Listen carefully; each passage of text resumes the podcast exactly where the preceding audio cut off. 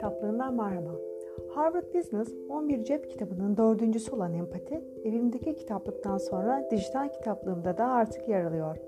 Almanya Beyin Bilimler Enstitüsü'nde nöro bilim direktörü Tanya Singer, empati için şöyle der. Başkalarının duygularını anlamak için önce kendi duygularınızı anlamalısınız.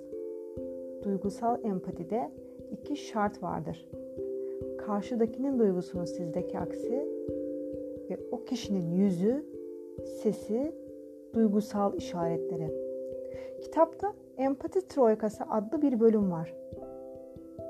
Empatiyi genellikle dar bir kalıp içinde düşünürüz. Oysa empati gösteren liderlerin odaklandıkları konular etkin liderlik açısından her biri önemli olan üç ayrı başlık altındadır. Bilişsel empati. Başkasının bakış açısını anlama becerisidir.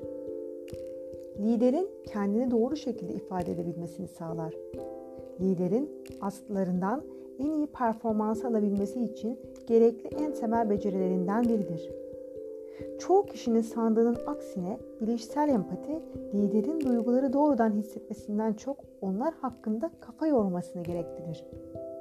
Sorgulayan, merak eden bir zihinden beslenir.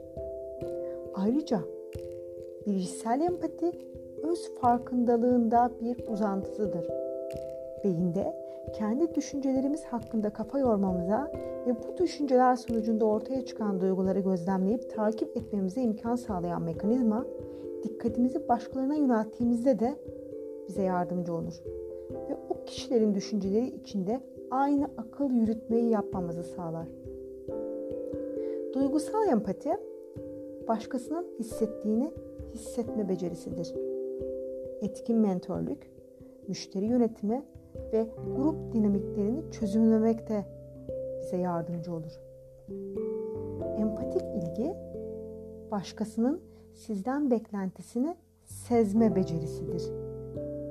Duygusal empatiyle yakından ilişkili olup insanların sizin için besledikleri duyguları anlamanızı sağlar. Araştırmacılar mevki olarak yükseldikçe insanların kişisel bağları koruma becerisinin zayıfladığını söylüyor. Bahar'ın kitaplığında bu bölüm sona erdi. Bir sonraki bölümde görüşmek üzere. Hoşçakalın.